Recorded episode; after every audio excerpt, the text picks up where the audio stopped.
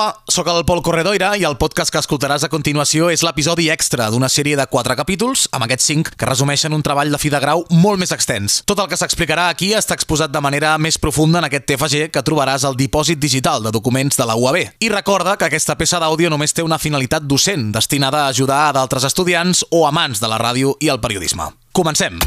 You are in Flash FM. Aquest treball de fi de grau partia d'una base, la seva hipòtesi. La hipòtesi inicial deia que el canvi de la línia musical de Flash FM estava motivat per un conjunt de quatre factors. La caiguda del dance i l'ascens del sou urbà i del reggaeton, els canvis d'hàbits de consum, motivacions econòmiques i la modificació del públic objectiu. Es considera validada la hipòtesi parcialment perquè es compleixen alguns dels factors mencionats, d'altres només parcialment i encara en falten alguns de nous. Ara ho expliquem. Hay que ver, menudo lío. Abans de res, cal recalcar que la motivació del canvi de línia musical de Flash FM respon a un seguit de cinc elements que, només units, el justifiquen. El primer d'aquests elements és la divergència entre la música que sona a les discoteques i el que sona a la ràdio. El dance deixa pas al so urbà a les pistes de ball i l'emissora no fa aquest canvi fins que realment s'observa que el fenomen és real. Flash FM, que sempre ha estat l'emissora que posa el que sona a les discoteques, ha de seguir amb aquest lema, malgrat que la seva marca està molt associada a la música electrònica. Això lliga amb el segon element que causa la modificació de línia de Flash FM,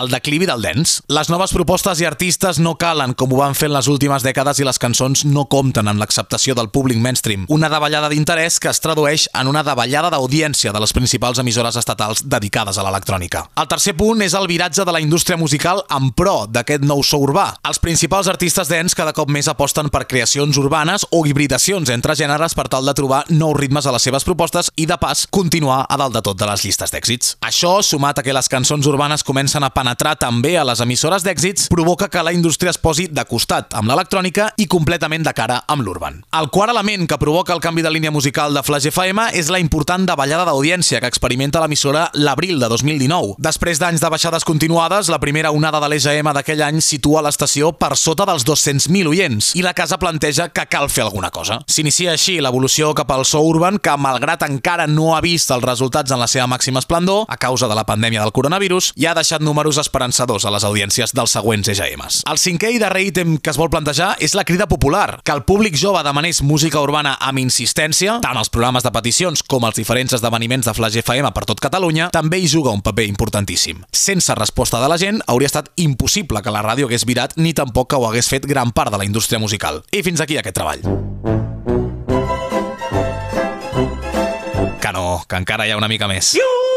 A més de les conclusions, d'aquest treball també se'n deriven un parell de debats que han sorgit de les entrevistes que s'han fet. El primer és el del paper de la ràdio musical amb l'arribada de les noves plataformes de música en línia. Malgrat la disparitat d'opinions recollides, es considera comú en totes elles l'acceptació que la ràdio ha perdut bona part de la seva audiència més jove en els últims anys, un públic que considera l'entorn digital molt més atractiu. La ràdio musical, per tant, ha necessitat un procés d'adaptació a aquesta nova realitat, amb la creació de pàgines web, d'aplicacions mòbils i també amb una forta presència a les xarxes socials, així com un procés de diferenciació respecte de les plataformes de música en línia, basat en l'acompanyament, l'entreteniment i la prescripció musical. Una ràdio més humana com a element d'acostament al públic jove i de distinció sobre les noves plataformes de streaming com Spotify o com YouTube. El segon tema a destacar és el futur del dance, tant dins com fora de les zones radiofòniques. En aquest apartat, les opinions són pràcticament unànimes. La música electrònica ha deixat de ser atractiva al panorama radiofònic actual, però sempre tindrà cabuda a la ràdio, encara que sigui en un nínxol més petit d'audiència. La música és cíclica i els estils van guanyant